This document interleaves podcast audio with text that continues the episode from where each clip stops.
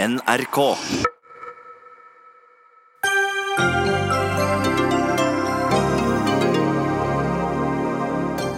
De var Erna Solberg og Siv Jensens nære medarbeidere. Så gikk de til kommunikasjonsbransjen. Da Tor Mikkel Wara ble permittert som justisminister, var det de som holdt kontakten med statsministerens kontor. Samrøre eller en uskyldig vennetjeneste? Drama på Arbeiderpartiets landsmøte, skjørt kompromiss om Lofoten, Vesterålen og Senja, kan stå for fall. Elever i Oslo føler seg latterliggjort av sin egen skolerevy, mener den var rasistisk. Og Høyre er bakstreverske og har motarbeidet viktige reformer i alle år, mener MDG-politiker. Det er ikke sant. Uansett er ikke fjern historie relevant i dag, svarer Torbjørn Røe Isaksen.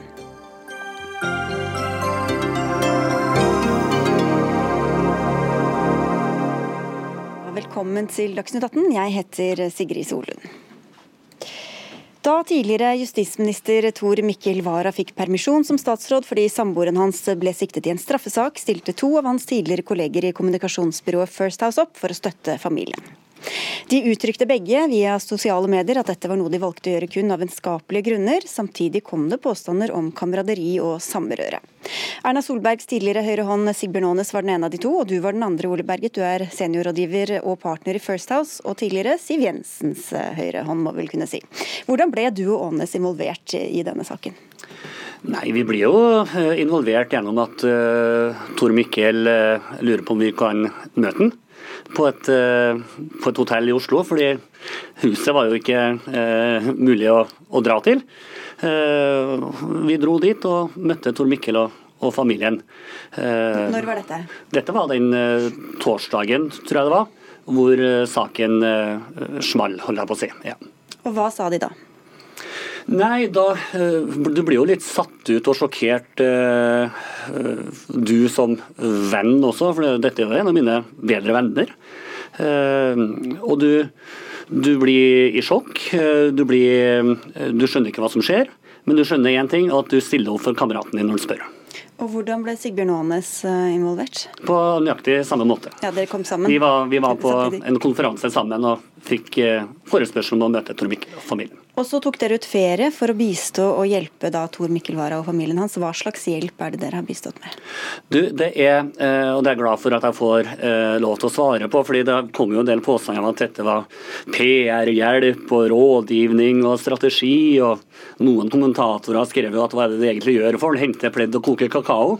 Eh, og det er faktisk akkurat det vi gjorde. Vi sørga for de basale behovene. Kjøpte mat, kjøpte drikke, kjøpte ved. Sørga for at katta deres slapp inn i huset, for det er en innekatt, ikke utekatt. Sørga for transport, fordi når du er i permisjon, så har du ikke lenger bil, og de hadde jo ikke en egen privatbil. Eh, helt basale behov for å få hverdagen til å gå opp i en situasjon hvor eh, verden har rast sammen, eller man er i en sjokktilstand, selvfølgelig. Men dere gjorde jo også noe mer, bl.a. er det skrevet om kommunikasjonen som eh, i hvert fall Aanes hadde med statsministerens kontor, og du har vel også hatt kontakt med Siv Jensen. Hva kan du si om den kontakten? Nei, Jeg kan jo begynne med meg selv, for jeg kjenner meg selv best. For å si, og Det stemmer at jeg snakka med Siv ganske jevnlig i den uh, perioden. Uh, SMS-utvekslingene er sånn når, når det passer at jeg ringer, hvordan går det med Tor Mikkel, den type eh, informasjon som Siv var opptatt av å, å få. og så snakker jeg mye med Siv Jensen om hvordan det gikk med Tor Mikkel og hvordan det gikk med familien hans, fordi hun som partileder er veldig opptatt av å ta vare på sine folk. Men hvorfor tror du at de ringte akkurat dere?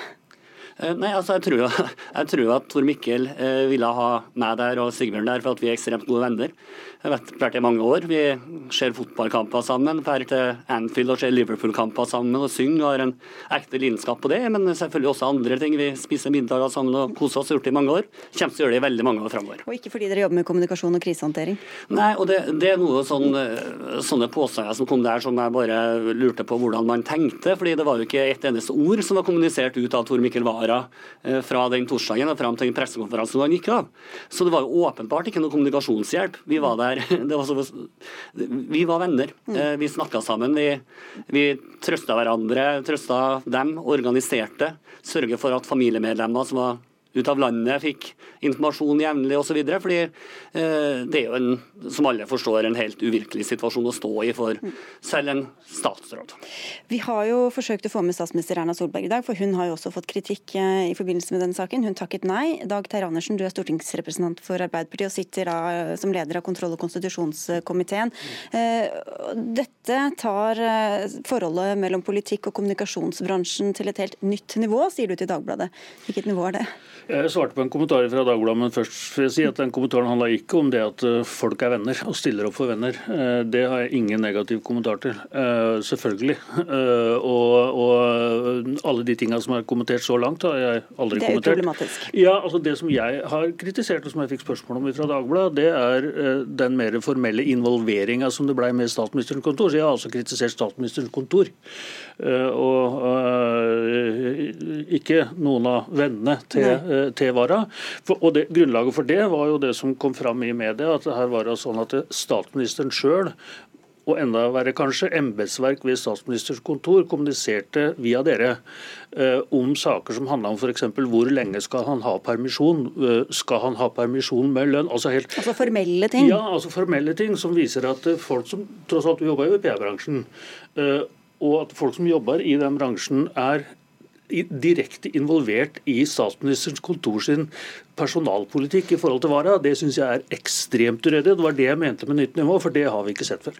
Ja, fordi nå er jo ikke Aanes her, men Han sa jo at du kunne svare på vegne av dere begge, Ole Berget. Altså, han diskuterte altså med SMK om justisministeren skulle ha permisjon med lønn, uten lønn. Det gikk fram og tilbake. Hvorfor er dette noe du syns, og dere syns det er passende at dere er med å diskutere? Nei, dette, dette var en helt eksepsjonell situasjon. Dette er ikke vanlig, for å si det sånn. og Jeg, jeg skjønner at disse spørsmålene kan komme opp. Det er kanskje til til og med betimelig kritikk, men jeg er ikke rettet til å svare på det. Men jeg kan jo fortelle liksom hvordan jeg opplevde eh, akkurat den situasjonen. Eh, og det, jo, det, er jo noen formaliteter. Tor Mikkel hadde bedt om permisjon når han var på statsministerens kontor tidligere den dagen. Eh, men de hadde glemt denne detaljen om, ville, om det var noen grunn til at han ikke ville ha lønn i permisjonstida. Og For å komme i kontakt med han raskt nok til å få formalitetene på plass, så, så gikk det via Sigbjørn Aanes på denne helt ekstraordinære situasjonen. Dette er jo ikke noe eh, politisk saksbehandling, og sånt, men jeg skjønner at spørsmålene blir stilt der, men det er ikke riktig til å svare på det. Men det var praktisk enklest, fordi alle visste at eh, jeg og Sigbjørn var sammen med Tor Mikkel. Eh, og, og, i en sånn situasjon så tror jeg mange forstår at den som er involvert, de som er involvert, ikke alltid er tilgjengelig på telefon. Men, men, tror du at hvis han den torsdagen ikke hadde ringt til dere to, men til to barndomskamerater, at de hadde opprettet den samme kontakten med, med disse byråkrater på, på, statsministerens kontor? Ja, det tror jeg, for at dette var en praktisk hensyn som måtte tas. Eh, og da var, visste man jo at det var to personer som var rundt Tor Mikkel, og bare oss to, eh, sammen med familien.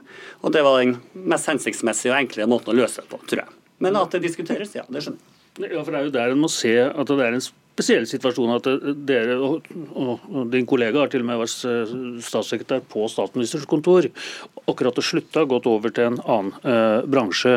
Og det at det blir direkte involvert i den saken, det, det stiller jeg store spørsmål med. Og jeg syns òg det er ille at det er på en måte Bergen som må sitte her og forsvare statsministeren og statsministerens kontor. Men du aner ikke om det kommer altså det, det, er ikke noe annet kritikkverdig du egentlig aner om har skjedd? Eller, Nei, men det er, dette, det, det er en systematisk feil òg. For det at eh, på det tidspunktet tidspunktet så visste ikke vi om Wara kunne komme tilbake. Vi visste i hvert fall ikke det, eh, omverdenen. Eh, at han kunne komme tilbake som statsråd. Og da var det altså dokumentert et så nært vennskapelig forhold med to som jobber i ett eh, PR-byrå. Uh, som altså, er så nært at ved normale omstendigheter så ville det ført til inhabilitet i en rekke saker. Uh, jeg håper du skjønner hva jeg mener nå. for det at Hvis han hadde kommet tilbake og har så nære, fortrulige venner som jobber med skjulte kundelister, da oppstår nemlig et problem om de, da, som de nære vennene de er, som, vært, som han måtte erklære seg inhabil i forhold til hvis dere jobba i et selskap som hadde sak til behandling i, i regjeringa. Altså ikke ville visst hvem dere jobba for som hans nære venner. Og Der er selve kjernen av dilemmaet i saken. Du skal få svare, Bergen, men jeg skal bare få inn en tredjeperson her også.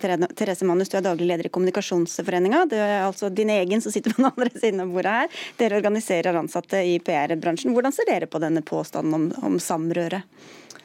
Eh, jeg syns jo først at eh, man kanskje er helt enig med Dag Terje der, at man eh, burde vært venn og ikke tatt seg av den kontakten. For da kommer disse spekulasjonene om det er for nære bånd. Uh, og det oppleves jo som et samrøre fordi man er usikker på om habiliteten er intakt. Uh, om det er noen bindinger som vi ikke vet om. Og det er problematisk. Det er problematisk for kommunikasjonsbransjen som sådan, og det er problematisk for politikerne. Og dermed også for demokratiet. Nå gjelder jo ikke dette bare folk som jobber i PR-byråer med hemmelige kundelister. Det gjelder jo også veldig mange andre grupper ute i samfunnet som driver med lobbyisme i ulik grad, eh, som advokater, konsulenter i andre bransjer eh, også. Ja. Jeg skal bare ta, følge opp Det fordi det går jo stadig folk fra regjeringsapparatet til kommunikasjonsbransjen og, og motsatt, senest i dag. Hvorfor tror du Ole Berg, at disse statssekretærene, statsråd og politiske rådgivere som du er en del av, da er aktive for kommunikasjonsbransjen, om ikke det er for nettopp den muligheten for å, for å få den kontakten som dere har demonstrert i dette tilfellet? Altså, eh, Det skal jeg svare på veldig snart, men jeg har bare lyst til å ta noe av det som du sa jeg skulle svare på etterpå mm. i sted. og Det var dette med eh, vennskap. Jeg sier ikke at Dag Terje Andersen er den som har eh, antyda noe som helst, men det var jo andre som antyda at fordi man stiller opp som en venn, eh, så forventer man noen gjenytelser i etterkant. Eh, og jeg vet, jeg, som sagt, jeg vet ikke du som har sagt det, men noen sa det. Og, og For meg så handler vennskap om at du stiller opp når det trengs, uten å forvente noe tilbake. Eh, og Det var tilfellet her også. Og så eh, Tilbake til hvorfor eh, politikere eller statssekretærer og rådgivere kan være attraktive for kommunikasjonsbransjen. Så tror jeg det er flere grunner til det. Det ene er at man er vant med å jobbe med strategiske prosesser, jobbe mye med kommunikasjon utad til velgere, til interesseorganisasjoner, mediehåndtering, så man har en viktig erfaring. Og min påstand, min påstand er at nettverk er ikke verdt noen ting. Eh, hvis du ikke er en god rådgiver som kan kommunikasjonsfaget, så vil du ikke lykkes i bransjen der. Hva gjør dette med omdømmet deres? da? Du nevnte jo andre bransjer også, men det er jo ikke første gangen dere får eh, kritikk for sånne type saker, Manus? Altså, nå organiserer vi alle som jobber med kommunikasjon i Norge, og ikke bare de som jobber i byrå. De representerer en liten andel. Men eh, det er klart at eh, kommunikasjonsfaget blir jo i stor grad forbundet med lobbyisme. Eh, mens eh, det aller fleste jobber med, er helt andre ting. Så det er jo et eh, potensielt problem eh, for, for, de som jobber innen kommunikasjon som sådan. Men det jeg syns er viktigere enn vårt omdømme, er jo det hvis det skaper en mistillit i, i, offentligheten. For det er ingen tjent med.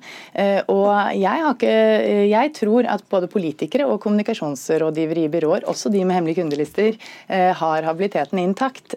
Men så lenge andre ikke tror det, så er det kjempeviktig med åpenhet. Og vi har kjempet for åpenhet i mange år og kommer til å fortsette med det. Og ønsker også at politikerne gjør mer. Ja, for Der har det jo vært mange forslag som er blitt nedstemt. og Arbeiderpartiet har vel ikke vært de ivrigste for et sånt lobbyregister? Jo, det siste som er relevant for det her vi snakker om nå, eh, var et forslag for ikke lenge tilbake om større åpenhet når en kommer, en kommer fra et byrå, kommunikasjonsbyrå f.eks. Ja.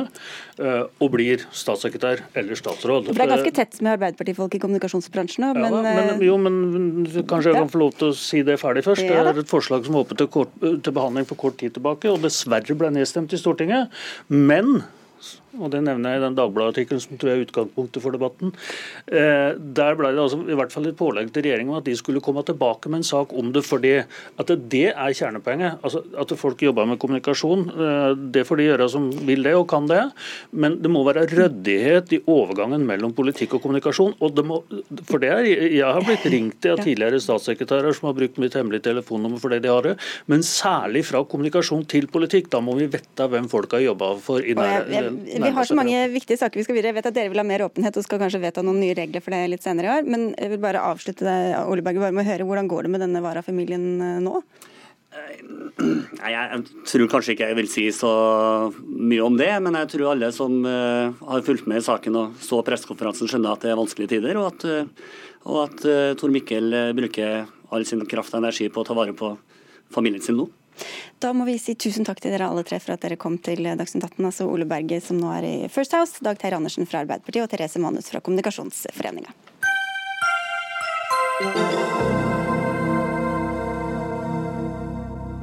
Så går vi rett til Folkets hus eh, ved Jungstorget, hvor Arbeiderpartipolitikere fra hele landet nå er samla for å vedta politikk og finne ut av hvordan de vil forsøke å vinne høstens kommunevalg. Og Lederen for det hele er deg, Jonas Gahr Støre, med oss nå, håper jeg. Hva skjer da? Ja, nå er det en liten pause, og diskusjonene pågår for fullt. Vi har hatt to dager med debatt, og det er landsmøtet på sitt beste, egentlig. Stort engasjement og diskusjon om viktige saker. Mm. Ja, for det Dagens Næringsliv skriver at skjer, i hvert fall, er at deres, eh, altså Arbeiderpartiets kompromiss om en delvis konsekvensutredning av Lofoten, Vesterålen og Senja kan stå for fall. Et av de viktigste temaene dere skulle diskutere nå. Gjør det det? Det skal diskuteres gjennom kvelden, og så skal det komme et vedtak. og Vi har hatt eh, mange innlegg rundt det. Eh, jeg har også oppsummert med å si at dette er en sak som har eh, dominert i norsk diskusjon siden 2000. Den har aldri til nå blitt noe av. Vi har vært for full konsekvensutredning i 2013. Vi var i 2017 for en begrenset konsekvensutredning. Men det har altså ikke skjedd, fordi at i Stortinget ikke blir flertall for at det skal skje. Så jeg har sagt i dag at det er helt usannsynlig at det kommer til å bli vedtatt i denne stortingsperioden. Sånn er norsk politikk. Jo, men Dere må jo vedta politikk for dere. Dere kan jo ikke vedta politikk bare ut fra hele politiske bildet. Så hva, du, hva ønsker du at skal skje i denne saken?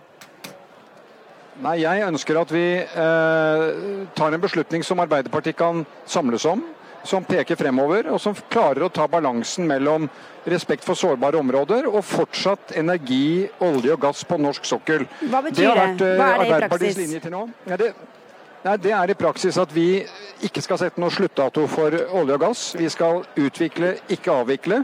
Jo, men nå eh, snakker vi om Lofoten, Vesterålen og Senja. Ja. ja. Og til, til, nå, er det, til nå er det, er det, ikke kommet aktivitet der nå. Og jeg har fått med meg at det er stor engasjement blant de som ønsker at vi ikke skal ha aktivitet der videre. Og Hvordan det blir skrevet sammen her på landsmøtet, det får vi se i timene som kommer. og Jeg kan uh, leve godt med den diskusjonen, for jeg tror den er, den er, opplyst, og det er masse kunnskap og det er stort engasjement. Men det er altså i balansen med det at Norge fortsatt er en olje- og gassnasjon. Vi skal bidra med gass til Europa, og vi skal utvikle vår sokkel videre. AUF-leder Ina Libak holdt tale til landsmøtet i går. Her tok hun opp dette med Lofoten, Vesterålen og Senja, eh, og ba om varig vern, og sa at dette er lakmustesten for om Arbeiderpartiet er klare til å ta ansvar for miljøet og framtiden. Så hva blir da ditt svar på denne lakmustesten? Ja, Hun holdt en veldig god tale. Jeg ser jo på Lofoten og Vesterålen som i hovedsak et forhold mellom eh, industriell virksomhet og fiskerisektoren viktige gyteområder for fisk, reiseliv, alle de andre næringene. Når det gjelder klima, så har Norge forpliktelser til å kutte klimautslipp fra hele olje- og gassektoren.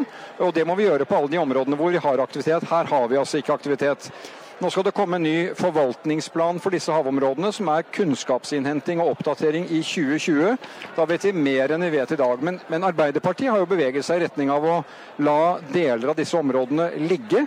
Om det kommer til å bli en ytterligere bevegelse i vårt synspunkt på det nå, det får vi se. Men realiteten i denne stortingsperioden tror jeg er ganske sikker. Det kommer ikke til å komme vedtak om eh, konsekvensutredning i disse områdene. Du, For ikke lenge siden så gikk det flere titusener av ungdommer i, ut i streik for en mer offensiv klimapolitikk. Samtidig så snakker du og skrev om at du ønsker en eh, utvikling og ikke en avvikling av fossilindustrien. Vi har hele dette Lofoten, Senja og uh, Vesterålen-spørsmålet. Og du vil heller ikke ha noen debatt om denne leterefusjonsordningen som stimulerer til mer oljevirksomhet. Hvor fornøyd tror du de ungdommene som tok til gatene er med den politikken som du legger opp til? Jeg holdt landsmøtetallet i går om at Norge skal sette et mål om en utslippsfri olje- og gassektor på sokkelen. Vi skal jobbe for å få metanutslippene ned. Vi skal stille strenge krav til denne næringen. Men jeg tror ikke på at det å sette en sluttdato og avvikle, sånn som Rødt og SV og MDG ønsker, at det er veien å gå for norsk industri. Da flykter kunnskapen, kapitalen og investeringene. Og det er på skuldrene til denne industrien at vi nå bygger havvind. Det er på skuldrene av denne industrien at vi kan få fangst og lagring av CO2. Og det er på skuldrene av denne industrien at vi kanskje får en ny hydrogenindustri. Men utslippene skal ned. Etterspørselen kommer til å falle etter olje, og jeg tror faktisk at Europa kommer til å trenge norsk gass, slik Storbritannia nå blir kvitt kull, og Tyskland blir kvitt kull. Så Norge skal fortsatt være en energinasjon. Jeg tror det er et sterkt bidrag til at vi kan nå klimamålene våre. Jeg vet ikke om det egentlig var det svaret på hva de ungdommene hadde sagt til det svaret, men eh, det, de er noe Nei, men, men, eh, men jeg, har mange, jeg, har mange, ungdommer her uh, i salen, og vi tar vedtak i alle generasjoner. Så her er vi holdt jeg på å si, unge i alle generasjoner. Ja, jeg skjønner. Men du, du snakket om flukt. Apropos det. I en fersk måling Norstat gjorde for NRK Aftenposten, så gikk Arbeiderpartiet ned og mistet aller flest velgere til SV. Tror du at miljø- og klimapolitikken kan være en årsak til det? Det er vanskelig å si på en enkeltmåling. Jeg tror Arbeiderpartiet har uh, lidd av to ting. Det ene er at vi har hatt for mye oppmerksomhet om saker som ikke har med politikk å gjøre. Uh, utenom politiske ting som opptar masse oppmerksomhet i mediene. Det må vi bort fra. Jeg tror landsmøtet kommer til å hjelpe oss bort fra det. Mm. Og så lever vi i en tid nå med mye usikkerhet som gjør at det jeg vil kalle ensakspartier, enkle løsningerpartier, de får vekst. Men Arbeiderpartiet er ikke et sånt parti. Vi er et parti for helhetlige løsninger som vi kan gjennomføre, som vi kan ta ansvar for. Vi har en ambisiøs klimapolitikk, og jeg tror faktisk ikke at det SV og Rødt vil, nemlig å stenge ned norsk sokkel uh, gjennom et vedtak på 2020-tallet, er veien å gå verken for klima, industriarbeidsplasser eller de inntektene Norge trenger for å fornye industrien. Vi må opp over til et annet av de store temaene på deres landsmøte som dere diskuterer heftig i dag, nemlig abort. Uh, helsepolitisk talsperson Ingvild Kjerkol vil utvide grensa for uh, selvbestemt abort til uke uke 18. Hva syns du om at hun flagget dette synspunktet nå? Jeg er mot det. Jeg er mot å endre abortloven. Jeg mener vår abortlov har fungert med lavt konfliktnivå. Aborttallene går ned. Eh, jeg er helt for at vi ser på hvordan disse behandlingene av søknader etter, etter uke 12 fungerer. De aller fleste blir innvilget. Men det er forskjell i hvordan disse ulike nemndene opptrer, og det må vi se på. Men jeg har sagt klart fra talerstolen her som eh, partileder og som politiker at jeg er mot det. Jeg mener at det Erna Solberg gjorde i høst, hvor hun satt den abortloven i spill, det er ikke bra. Og jeg slår ring om den, og der er, har jeg altså et annet syn. Ja, for Du har jo vært veldig kritisk til regjeringa, som eh, har da fått gjennom at de mener at hvis du skal abortere eller ett av flere fostre, så må du ta saken opp i nemnd. Og Hvis du er så kritisk til denne nemndbehandlinga, hvorfor vil du da beholde et system som gjør at mange hundre kvinner kvinner må møte for en sånn nemnd hvert år? Dette er to helt forskjellige ting, Sigrid. Altså, det første var spørsmålet om du skal frata kvinner en rett de har hatt inntil uke tolv i dag, som regjeringen gjør. Det er jeg imot. Så har jeg møtt mange av de som jobber i disse nemndene, som jeg mener er dyktige mennesker som gir kvinnen støtte og råd i en vanskelig beslutning. Men det er litt ulik praksis i de ulike nemndene, og det er en utfordring jeg mener vi bør se nærmere på. Men jeg har sagt veldig klart her, jeg har jobbet mye med det som helseminister, og jeg har lyttet eh, rundt om i landet at jeg er mot å endre abortloven. Eh, og det har vært min tilrådning til landsmøtet. Og Når du er så tydelig i dette, betyr det at du, kan, kan du leve med et vedtak som går mot det du da har rådet landsmøtet til? I demokratiet så lever du med de flertallsvedtakene som er. Du må være leder for det og forsvare det også i tilfelle. Så Nei, men hvis du, hvis du, tror jeg kommer til å dø om de vedtar det Jeg kan leve med det, ja. Jeg kommer til å kunne leve med det. Eh, så det skal gå veldig bra. Men det flotte her, og det er nesten så jeg ikke hører deg, for det er så mye diskusjon her. Så jeg kommer til å overleve vedtak. Og jeg kommer til å være engasjert tilhenger av sosialdemokratiske løsninger. Jeg kan fortelle deg én ting til. At nå har vi blitt enige om at vi skal ha uh, gratis skolefritidsordning for førsteklassingene, slik at ingen må gå hjem fordi foreldrene ikke har råd. Og Det er et godt vedtak som eh, jeg er stolt av at vi vil samles om her. Du, Det er hyggelig at du overlever uansett, eh, Jonas Gahr Støre. Takk skal du ha for at du var med oss. Da vender jeg meg til deg, Magnus Takvam, politisk kommentator her. Du kom jo rett opp fra landsmøtet til eh, Arbeiderpartiet. Hvordan tror du de ender på disse spørsmålene som vi nå har vært innom? På det første spørsmålet om Lofoten, så har i hvert fall jeg snakket med tilstrekkelig mange eh, som tilsier at ledelsen kommer til å lide nederlag eller bli nedvotert etter alt å dømme der. Altså at det ligger an til i hvert fall i øyeblikket at flertallet går inn for å si nei til en konsekvensutredning av disse områdene utenfor Lofoten, Vesterålen og Senja. Og Innlegget til Støre på landsmøtet om det var på en måte eh, et forsøk på å avdramatisere et slikt vedtak, fordi det er jo sterke reaksjoner i industrimiljøene i Arbeiderpartiet dersom det skulle komme. Men du, Dette argumentet da om at det spiller nesten ingen rolle hva vi vedtar, fordi politikken er sånn at det kommer ikke til å skje noe likevel. Er ikke det, eller Hva slags måte er det å føre politikk på, egentlig? Ja, altså Det dreier seg om isoler, det isolerte vedtaket om å si nei til konsekvensutredning av disse områdene, som, som, er et ledd i hans forsøk på å avdramatisere det. fordi Han sier det får jo ingen konsekvens. Alle vet at dagens regjering sier nei til konsekvensutredning. Det har KrF og Venstre fått uh, gjennomslag for.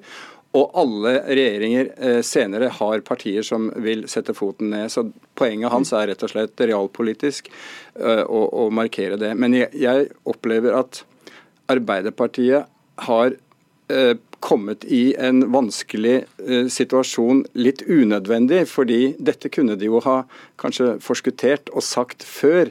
Eh, nå kommer det reaksjoner fra oljeindustrien som om eh, Arbeiderpartiet går med på AUFs, alle AUFs krav om en sluttdato og leterefusjonsordning osv. Og så dette abortspørsmålet. Jeg snakket med en delegat som mente det var veldig vanskelig å si, men det var, at det var veldig delt eh, på landsmøtet. Hvor mye tror du det spiller eh, en rolle at Støre er så tydelig på hvor han vil? Var, i hvert fall veldig interessant at han før redaksjonskomiteene liksom har konkludert, advarer landsmøtet mot et slikt uh, vedtak. Og Det kom overraskende på partiets ledelse at helsepolitisk talsperson Ingvild Kjerkol gikk ut med det og støttet forslaget. Så det, Der tror jeg han følte behov for å virkelig vise lederskap og, og sette ned foten. og Derfor så tror jeg heller ikke at det blir vedtatt. Men uh, vi, får, vi, får, se. Jeg tror at han hadde nok ikke gått så høyt ut hvis han visste at han risikerte å bli nedstemt. Og sannheten, eller det kommer i morgen, da vet vi hva, hva det ender på. Takk skal du ha, Magnus Takvam, for at du løp opp hit til Marienlyst. Dagsnytt 18 alle hverdager klokka 18. På NRK P2 og NRK2.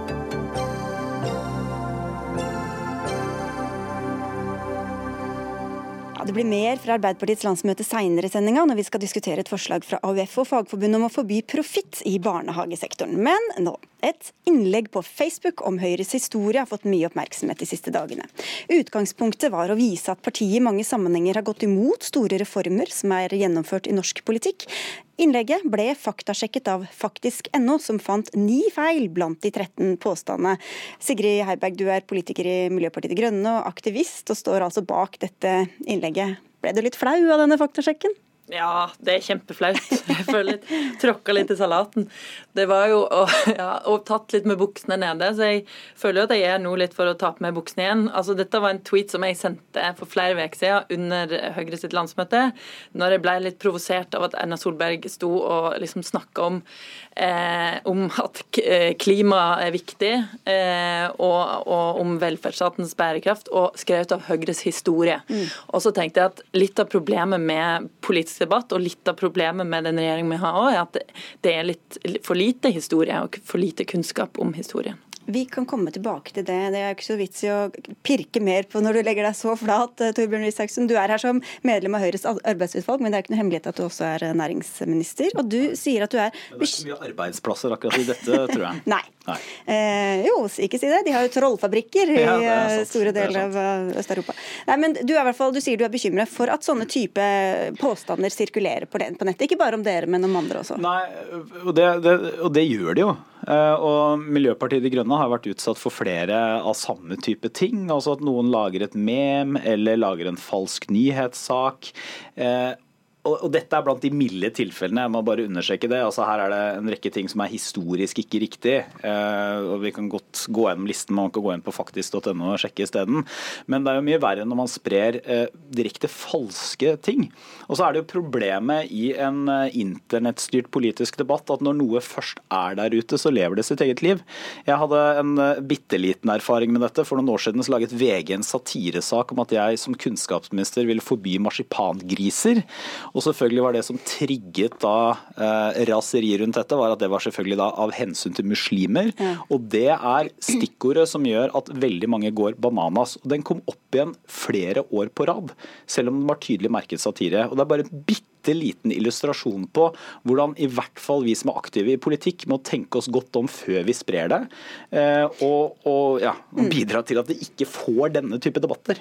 Ja, Heiberg, du bare nikker. Jeg antar at du er enig i dette? Eller? Ja, veldig. Altså, dette er jo et sånn eksempel på at det sosiale medier er en eh, komplisert arena, og at og det er jo nettopp er jo altså, helt enig, det er et kjempeproblem at liksom, ting som er faktuelt feil, blir spredd. Da legger vi den litt død. Ja, men poenget poenget, det poenget som jeg ville eh, nå ut med med den tweeten, det står jeg veldig inne for. Ja, det er det jeg vise... Hva er det du mener, bortsett fra disse faktafeilene? Ja, fordi er det, det, er noe feil årstall der, og det er en del sånn detaljfeil. Og det er fordi jeg satte det sammen på 30 sekunder og sendte ut en tweet. Også, også store men, faktiske feil, bare så ja, det er sagt. Altså, det var ja, ikke bare det, det er helt riktig. Det er en små og store feil, og det beklager jeg veldig. Men poenget var å vise at gjennom norsk historie så har Høyre vært en bremsekloss når det gjelder å få på plass allmenn stemmerett, stemmerett for kvinner, store velferdsreformer. Og hvorfor og er det viktig i dag? Det er, for det første er det viktig å alltid lære av historien. Men så er det viktig fordi Høyre fortsatt er det, det samme partiet som er imot store Når Erna står og snakker om at tida for store velferdsreformer er over Høyre har aldri vært for store velferdsreformer. Så det er viktig når vi hører politikere snakke i dag, å se på innholdet i politikken og se på historien. Hva er det egentlig det betyr? Ja, nå er det for det første Erna Solberg har aldri sagt at tiden for de store velferdsreformene er over. Jeg har sagt det, at tiden for de store velferdsreformene for oss alle er over, og at nå må vi konsentrere oss om å tette hullene i velferdsstaten. For de store utfordringene våre nå, det er de som faller gjennom sprekkene. Det er rusmisbrukere, det er folk som er altså nye barnefattigdommen, som vi særlig ser i byene, etc. Okay, men men, det så er det, så er det, eh, Altså, problemet her er, eh, altså Det er ikke noe problem å diskutere historien. Og Jeg kunne nevnt opp viktige velferdsreformer som Høyre har gått i bresjen for. Eh, viktige skolereformer som Kunnskapsløftet. Fritt på brukervalg i helsetjenesten f.eks. Innføring av brukerstyrt personlig assistent. En utrolig viktig verdighetsreform for funksjonshemmede og de som er avhengig av hjelp hver eneste dag hele tiden i hverdagen sin. Men jeg er nok litt litt skeptisk til hvor mye tid vi skal bruke også i sosiale medier på å diskutere partienes forhistorier. Hvor interessant er det i dag at uh, Bondepartiet, altså Senterpartiets, uh, det Senterpartiet het før, var Quislings parti. At Arbeiderpartiet var med Komintern.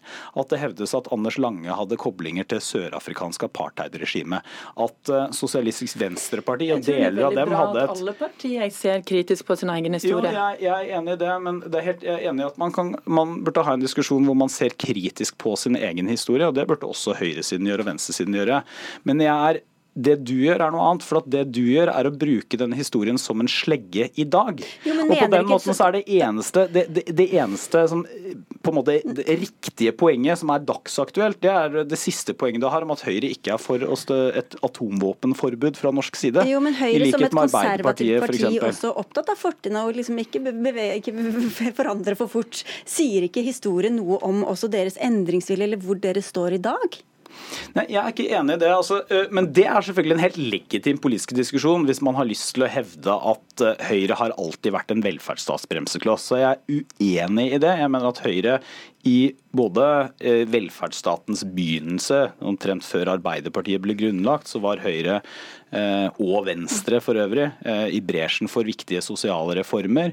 I etterkrigstidens Norge så er det nok en rimelig beskrivelse å si at de store velferdsreformene våre, som folketrygden f.eks., som ble innført under den borgerlige regjeringen, Borten-regjeringen, ble innført av da flertall. Ja, okay. Men poenget ditt er nei, det sier ikke så mye. Poenget mitt er at denne, denne liksom, det å okay. hele tiden gå tilbake altså det, er, det, er, selvfølgelig historisk utrolig interessant at uh, ja, ML-bevegelsen støttet Mao, men ja. det, er ikke, det, er ikke, det jeg Greit, mener Bjørnar Moxnes skal svare for i dag. I dag har vi altså en, en eh, situasjon i Norge der ulikhetene øker. Eh, der vi aldri har vært så rike noensinne, men der ulikhetene øker. Og vi fører en miljø- og klimapolitikk som ikke er i tråd med noe som helst som er ansvarlig. Og da er det veldig relevant å se på hvem er det de ulike partiene representerer. Hvem er de hvilke interesser er de til for, og hvilke interesser er de forsvarer. Og Da er det veldig relevant å se på historien, og det er relevant å se på det som skjer men, i dag. Vent litt grann nå, for jeg skal bare følge opp det. For Hvis du ser på klimapolitikken f.eks., da det var jo ikke noe uh, bedre klima, altså, eller uh, klimagassutslippene uh, gikk ikke noe mer ned under den rød-grønne regjeringa. Og du vil vel sikkert mene at Arbeiderpartiet har gått i bresjen for mange av de, i hvert fall de nyere um, velferdsreformene. Så da, hvordan henger det sammen med altså, den absolutt, teorien din? Klimautslippene har økt og økt, det har fortsatt å øke, det er et kjempeproblem. Men hvis vi ser på eh, altså eh, grunnen til at eh, vi i Norge tross alt har relativt små forskjeller, f.eks. For det er ikke pga. Høyre. Det er fordi at Høyre Nei, gjennom tida har blitt holdt i ørene av arbeiderbevegelsen. Jo, men Det er ikke det noe sammenheng mellom det du sier om klimapolitikken og miljøbevegelsen. Altså, hvis, vært, hvis, hvis, Høyre hadde fått bestemme alt og ikke hadde blitt pressa av miljøbevegelsen og av andre krefter, så hadde vi hatt en, antageligvis en enda verre miljø- og klimapolitikk i dag. Så poenget mitt er at det er viktig å se på hvilke krefter det er i samfunnet som presser ting framover. Hvem er det som Helen. Hvem representerer hvem? Du, du, gjør det da gjennom å uh, falsifisere historien. Altså Det er ikke riktig det du sier. For det andre så er det en uh, Det er nok omdiskutert også, hvis man skal være altså Det er ikke en objektiv sannhet, det du sier. Hvis man leser f.eks. Eh, Francis Sejersteds analyse av høyrebølgen, stor norsk historiker, også for øvrig da høyremann, men allikevel objektiv faghistoriker, så mener han at Høyres reformer på 80-tallet f.eks. var avgjørende for å nettopp bevare og beholde den norske modellen. Hvis man tror at norsk økonomi og Norge ville vært mye objektiv om historien, så ja, derfor er, er det bra å ha en kritisk diskusjon om historien. Å skrive feil om det, og det er dere helt enige om. Vi, dette er virkelig seminarmat. Beklager å måtte avslutte nå, men sånn er det bare. Klokka går. Takk skal dere ha, i hvert fall begge to, Sigrid Heiberg og Torbjørn Røe Isaksen.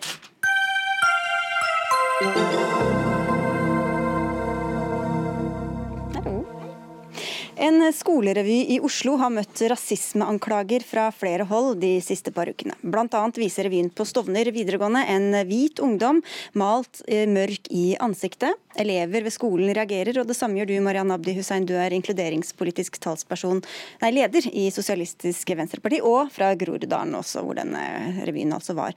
Hva er det ved denne Stovner-revyen som er så problematisk? Du, jeg er ikke leder for Sosialistisk Venstreparti. Lysbakken har fortsatt den tittelen. Å oh, ja, ok, beklager jeg trodde det var litt greit at folk vet at vi ja, ikke har byttet ut Lysbakken. Nei, um, det som er problematisk, og som disse elevene skriver i sin kronikk eh, hos Dagbladet, er jo at de opplevde at eh, deres, altså bruken av blackface og det premisset om at du må tåle blackface eh, Blackface er altså at du maler deg i ansiktet? At du, du maler deg svart i ansiktet, som har en historisk bakgrunn, der man ikke sant, over lang tid har altså fremvist mørke mennesker som enkle. altså Man har ledd på deres bekostning ganske lenge, særlig i amerikansk historie, hvor denne bruken har vært det å latterliggjøre disse menneskene har vært en del av det som har skapt samholdet da, i, hos hvite. Og det, at det premisset det går ikke disse elevene med på. Og veldig mange av disse elevene hadde jo også i forkant av revyens premiere eh, problematisert dette og opplevde at de voksne ikke lyttet. Vi skal komme tilbake til det, men vi skal til deg, Shabana Rehman. Du er leder for organisasjonen Født Fri og produsent for denne Stovner-revyen. Hvorfor valgte dere bl.a. å vise dette blackface, altså det, at en hvit person maler seg i ansiktet? Vi hadde flere kostymer. Revyen tar opp eh, fordommer som Stovner-ungdom lever med. Eh, det var de opptatt av, og den eh, omtalte sketsjen tar opp politirasisme. Det er premisset. Men Hva svarer du på kritikken? Nei, som nevnt så er det tre elever ved skolen som skriver i Dagbladet i dag om at det er fordommer som presenteres i revyer som styrer den rasismen vi møter i hverdagen. Vi var vitne til en revy hvor muslimer og svarte ble framstilt som dumme. Ja, så Vi tok opp fordommer Stovner-elever eh, lever med. og eh, den, det Jeg syns det er kjempebra at de eh, har sine subjektive opplevelser. Og så har de en debatt om det. Vi tok også en debatt i elevgruppa om de forskjellige valg av kostymer. Og revyen sparker i alle retninger. Og tar opp alt fra fordommer om, om religion, om seksualitet, om lærere, om politikere som kom til Stovner med politikerbussen og politirasisme. Eh, dette innebar at de måtte eh, kle seg ut eh, som forskjellige mennesker, bl.a. også som Stovner-ungdom. Og det mm. gjorde vi. Det er det det er. Det er premisset. Og Hvis noen har subjektiv opplevelse om at det var noe annet, så syns jeg at det, den kritikken må, må, følges opp. Og så må vi også ha debatt om det. Ja, Hussein, hvordan skal man kunne presentere sånne ting uten å vise, vise disse scenene da, som Breman snakker om? Tenker at Det handler jo om hvilken sensitivitet man har til eh, dette. Altså Disse elevene i sin kronikk viser jo at dette har en historisk kontekst. Her er det på en måte, her er det ikke noe de har funnet på selv. Her har du en hel historisk kontekst som er problematisk. De Men Kan man ikke tulle med ting som, altså, som er det, det, handler jo om hvilke perspektiver man har. ikke sant? Rasisme er jo noe de her ungdommene ikke kan velge bort, om de skal bare møte det i den scenen. Det, det påvirker jo deres hverdag. sånn at de sier jo noe om på en måte hvordan dette påvirker fremtida deres. De her er jo ungdommer som er kjempebevisste på hvilke maktforhold og maktstrukturer som er i samfunnet. Og det de ber rektor om, er jo at her ønsker vi at lærer, rektor og skolen leser seg opp og født fri. Her ønsker vi en temadag hvor vi snakker om eh, rasisme og islamofobi og afrofobi. Og det tenker jeg er kjempeviktig. Dette er ungdommer som har deltatt i den offentlige ordskiftet. De ønsker mer kunnskap. De ønsker opplyse samfunnet, og det er sånn vi utvikler oss. Vi har også hatt kontakt med disse nevnte elevene i dag, så de ønsket ikke å være med i dette offentlige ordskiftet. Men eh, de etterlyser altså i denne kronikken deg, du er rektor ved Stovner videregående, Terje Wold. Hva synes du om denne revyen på skolen din? For meg så er det en revy som var verken eh, rasistisk eller islamofobisk. Den, og mitt anliggende var å jeg var jo ikke en del av produksjonsprosessen, men jeg fulgte den underveis. Eh, og mitt anliggende var å påse at det innholdet som blir produsert, da, var i henhold til lovverk og regelverk. Altså opplæringsloven, som mitt skolesamfunn er en del av. da. Eh, og for øvrig da ivareta stemmene til elevene som var involvert, og de kritiske stemmene som nå har kommet fram. Og det, det, er veldig viktig for meg. Og det at de ikke føler seg hørt, det tar jeg veldig alvorlig. Ja. Og vi har hatt en, en dialog om eh, debatt og en prosess der, og den vil jeg følge opp. Ja, fordi Elevene sier jo at dette var kritikk som kom opp i forkant av revyen også, at de føler seg ikke eh, hørt, og at du, de forventer at du beskytter elevene fra noe sånn sårt som dette. Er det som ble presentert innenfor det du mener at de må tåle? Det som ble presentert i revyen, er innenfor det som jeg mener er eh, legitime ytringer i et samfunn. Det er det. Mm. Ja, ja, altså, eh, en ting er, altså Jeg syns det er kjempeproblematisk at rektor kan sitte her og avfeie den kritikken som kommer fra disse ungdommene, som de opplevde som rasistisk, og si nå at dette var ikke rasistisk, vi har uh, ryggen vår klar. Fordi det er så innmari lett når man står og, majorit, og har en, et majoritetsperspektiv, å avfeie den kritikken som kommer. Altså Rosa Park, som er en av mine idoler, uh, ble i sin tid problematisert som en svart kvinne fordi hun ikke ønsket å finne seg i det. Sånn at det å avfeie disse ungdommenes perspektiver er kjempelett for deg, men jeg hadde håpet på, når kunnskapen fra Dembra og Antirasistisk Senter sin rapport 'Vi vil ikke leke med deg fordi du er brun' viser at barn og unge opplever innmari mye rasisme i skolevesenet. Jo, men Skal han gå inn og overstyre en, en kunstnerisk produksjon Nei, på skolen han, sin og si at her syns jeg dere går for langt og her må vi passe på, liksom? Jeg ønsker å vite,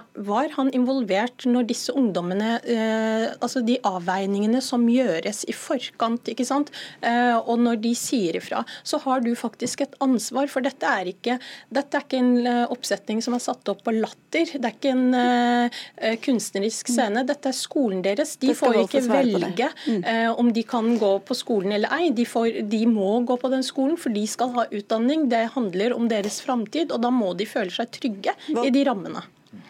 Hva skal jeg svare på?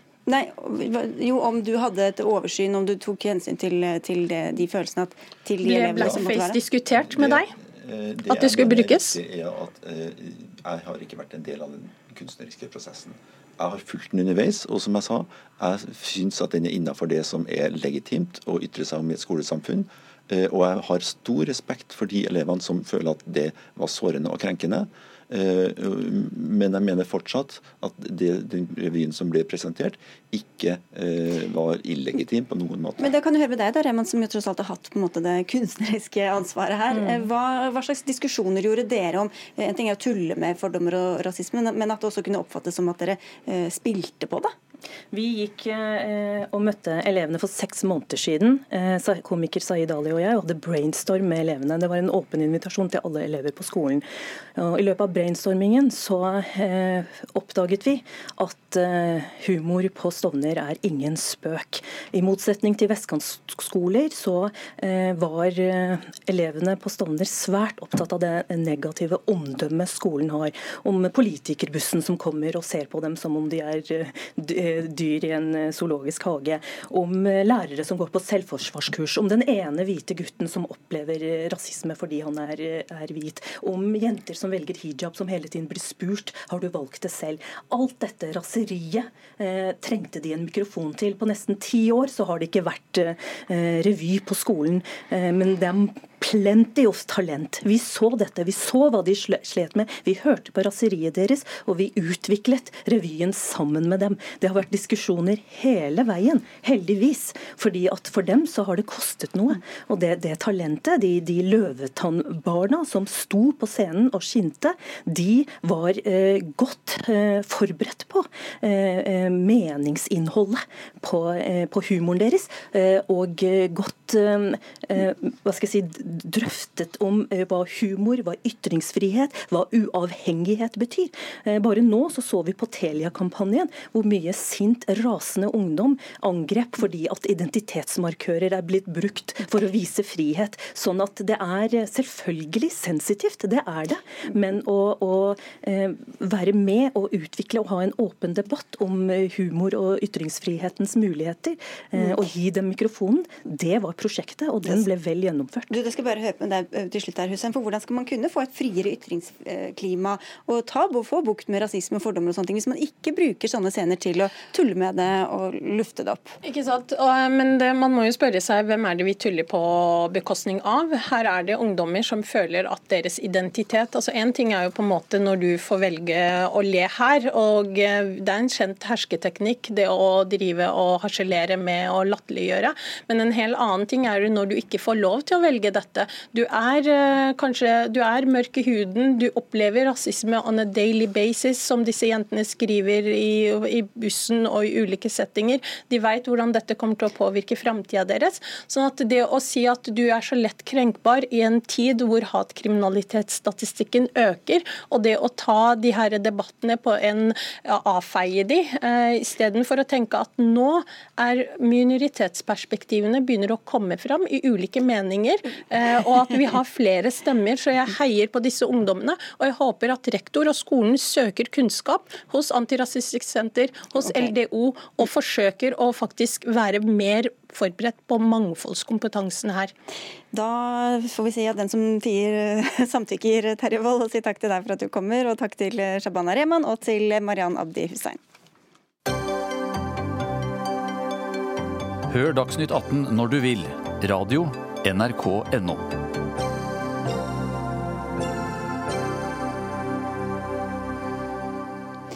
Politiet henlegger saken som handler om en barneskoleelev som logget seg ulovlig inn i Bergen kommunes systemer. Dette gjorde han etter at han først varslet kommunen om at de hadde en sikkerhetsfeil. Gutten får likevel en form for straff ettersom politiet beholder datautstyr som blei inndratt. Både Vest politidistrikt og Bergen kommune får kraftig kritikk for hvordan de har håndtert denne saken. Vi har med faren til den nå 13 år gamle gutten på linje. Han ønsker å være anonym av hensyn til gutten men hvis du kan fortelle, hva var det som, som skjedde? Det som skjedde var jo at uh, gutten vår, som er svært interessert, han uh, fant 35 uh, 000 passord til lærere og elever ved bergensskolene i, i vår. Så ble dette meldt fra om via lærerne og til oss òg, og vi trodde alt var tatt hånd om. Men det viste seg at IT-avdelingen i Bergen ikke gjorde noe med det. De oppfatta ikke alvorligheten i, i det, den meldinga de fikk, og uh, dette ble liggende ute. Mm. Eh, og Da sommerferien var over og det fortsatt lå ute, så gikk han inn, logga seg på som eh, rektor for den skolen han hadde gått på, og sendte ut en melding til 300 stykker som ga klar beskjed om at han hadde alle passordene. og eh, Da reagerte Bergen kommune. Ja, Hva gjorde kommunen, og hva gjorde politiet? Kommunen de gikk først ut i media og, og sendte, ga melding om, om, det her, at det var et, et hackerangrep. Eh, og så meldte de saken til politiet. Og hva gjorde politiet? De startet etterforskning, og den er nylig ferdig. Mm. De har tatt beslag i alt datautstyr, alle kontoer han hadde på nettet, mobiltelefon og sånne ting. Og nå har vi nylig fått tilbake mesteparten av utstyret, med unntak av, av noen harddisker som sto i disse maskinene. Ja, og Det er jo det som da er inndratt, som på en måte er straffen til, til sønnen din. Vi, bare si at vi har vært i kontakt med både Vest politidistrikt og Bergen kommune, som begge takket nei til å stille Dagsnytt 18. Datatilsynet ga Bergen kommune et overtredelsesgebyr på 1,6 millioner kroner kroner for manglende etterlevelse av personvernreglene. Etter at de først avviste det, så godtok de det den, denne uken.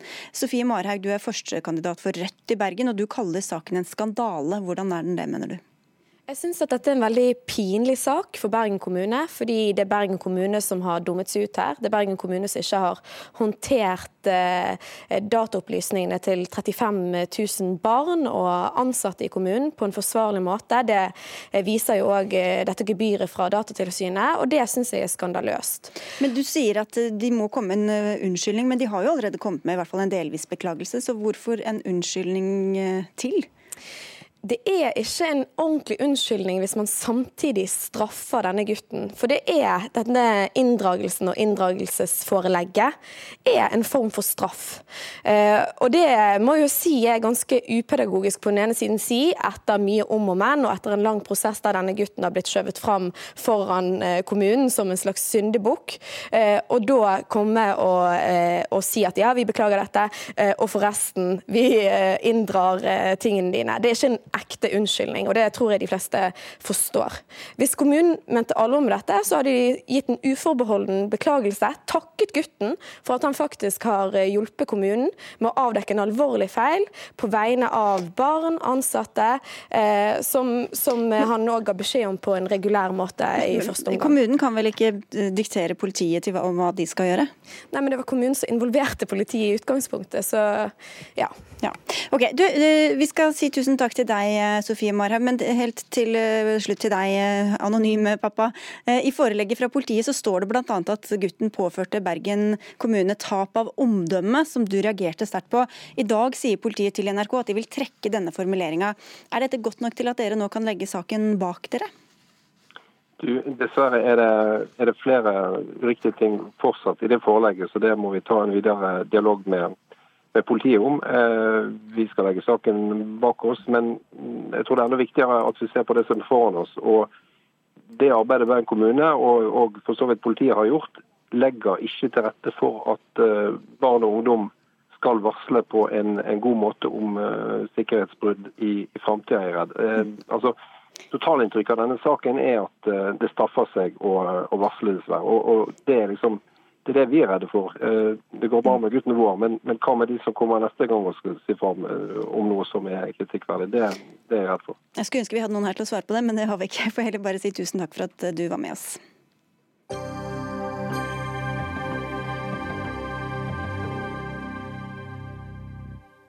Skal eiere av private barnehager kunne ta ut profitt når 88% av driften dekkes av offentlige midler? Nei, sier AUF og Fagforbundet, som nå går sammen for å fremme et profittforbud for private barnehager på landsmøtet til Arbeiderpartiet nå as we speak.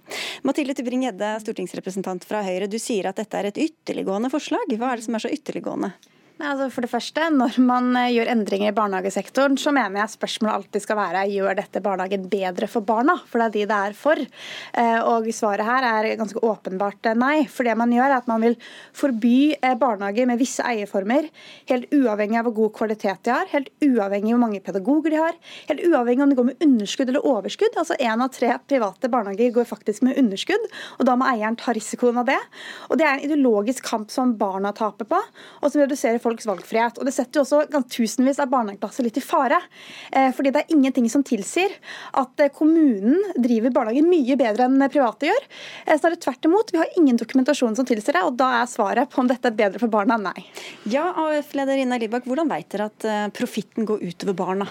Det er rett og slett fordi når man lar kommersielle selskaper drive, så har jo de ett mål med den driften. Da går man jo ikke inn i det med at man ønsker å gjøre det beste for ungene. Da er man der for å tjene penger. Hvordan vet du det? Ja, det vet jeg fordi hvis man driver et kommersielt selskap, vi vet det fordi man tar ut utbytte, vi ser at de tar ut utbytte, og fordi hvis du driver kommersielt selskap, så gjør du ikke det for det beste for barna, da gjør du det fordi du ønsker å ta ut penger. Jeg kommer ikke til å si at alle kommersielle barnehager er dårlige, ikke i det hele tatt. Det er gode kommersielle barnehager også, men det er pga. de flinke ansatte som står på hver dag for å gjøre det beste for ungene. Og Det er jo det vi vil gi de mulighet til å gjøre. Dette er ganske, eh, Det som er med velferdstjenestene våre, er at de er jo annerledes enn andre tjenester fordi det er skattebetalernes penger. Det er folk som betaler inn skatt. Og Jeg er glad i å betale skatt, jeg, men jeg er jo ikke så glad i å betale skatt at jeg tenker at det er greit at kommersielle selskaper tar skattepengene mine og investerer de i investeringsfond, investerer de i andre ting, henter de ut i profitt. Jeg tenker at De pengene som folk i Norge betaler inn i skatt, de skal vi vite går til tjenestene, til bemanning, til ungene, fordi vi skal skape verdens beste barnehage. Altså 88% av driftskostnadene dekkes av det offentlige. Hvorfor kan vi ikke eh, sørge for at de pengene blir i barnehagen, enten, eh, enten det er privat eller, eller, eller, offentlig, men at ikke det tas ut i profitt? Altså det viktigste å sikre er jo at det er en mangfold av barnehagetilbud med god kvalitet, og det er jo det pengene skal brukes til. Og Det Ina Libak ikke nevner her nå, er jo at de private barnehagene får jo ikke en krone mer i tilskudd enn de kommunale barnehagene.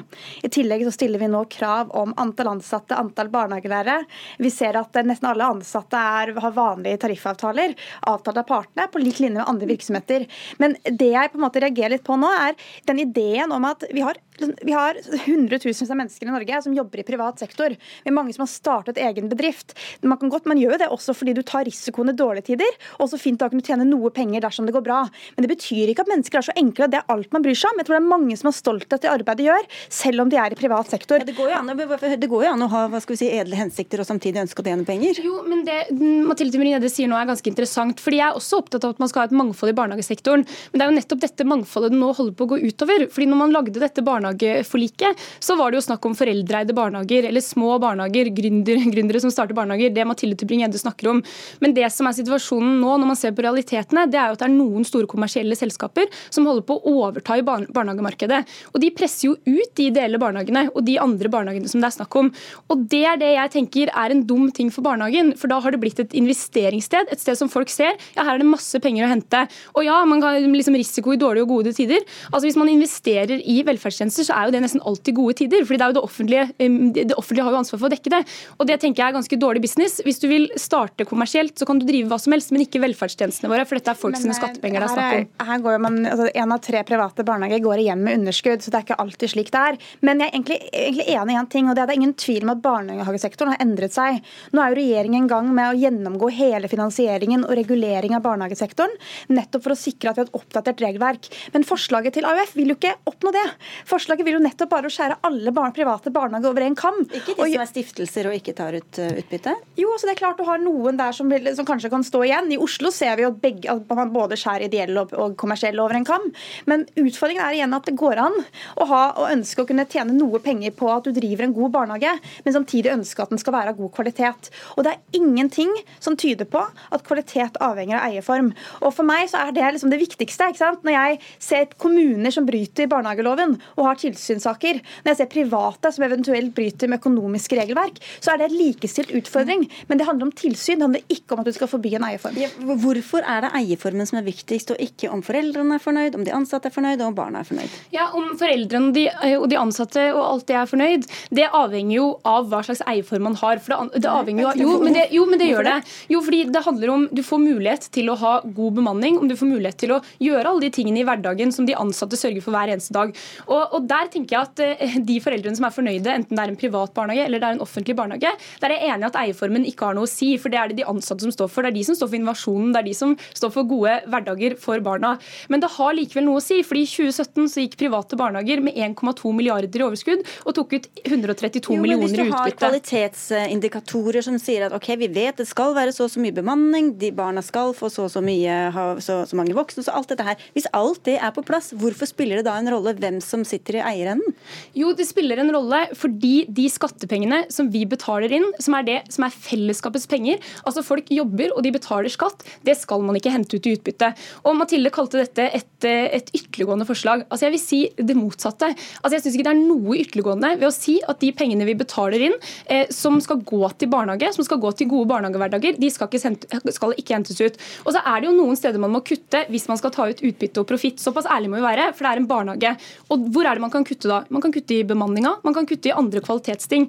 Noen av de tingene man har gjort nå er riktig, fordi det gjør at det er mindre mulighet til å hente ut utbytte, mm. men man lager kompliserte eierstrukturer, man gjør nye grep hele tiden for å prøve å tjene penger, fordi det er det som er målet. Men helt grunnleggende til Bring-Hede, så virker det Hvorfor skal man egentlig Det som skjer, er jo da at våre skattepenger ender opp i lomma på en eller annen eh, person, kanskje i et helt annet land. som sitter jo, men liksom her er igjen så må man huske at, hver, at man bruker én krone man bruker til, eh, til, barn i private barnehager, er akkurat det samme som man får i kommunale. Og jo, men Hvilken rolle spiller det? Altså, det, det, det betyr på det prinsippet. Det betyr nettopp at det er ikke slik at man f.eks. gir veldig mye mer penger som de private kan stikke av i lommene. Nei, men noe av det noe av det ender jo om. Ja, men det, det, å kunne, det å kunne tilby en god tjeneste som, går, som er til det beste for folk, nemlig at det er et mangfold av barnehager, at det er friluftsbarnehager, naturbarnehager, det mener jeg er en viktig, viktig viktig verdi. Jeg glemte helt tida. Jeg, jeg, har ikke mer tid. Vi nå vil si Tusen takk til begge to, Mathilde Tybring-Gjedde og Ina Libak, fordi Dagsnytt 18 er over. Vi ønsker en god helg fra Dag Dørum, Lisbeth Seljereite og jeg, Sigrid Solund.